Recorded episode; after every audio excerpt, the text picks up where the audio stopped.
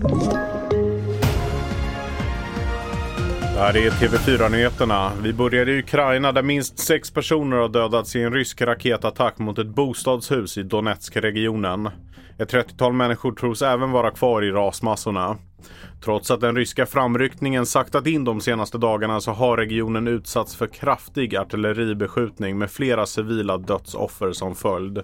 Enligt Donetskregionens guvernör är angreppen urskillningslösa och inriktade på bostadsområden och infrastruktur.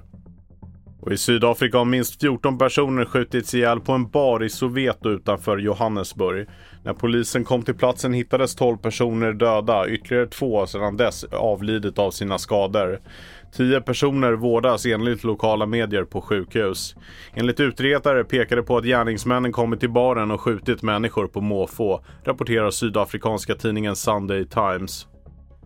Och till lite gladare nyheter. En av Robinsons mest välkända programledare, Anders Lundin, gör comeback efter 20 år. För några månader sedan kunde Nyhetsmorgon avslöja att Petra Malm skulle kliva in som programledare för Robinson och hon har precis spelat in höstens säsong.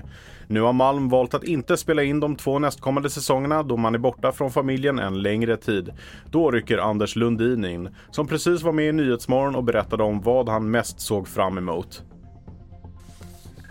Eh, krismöten.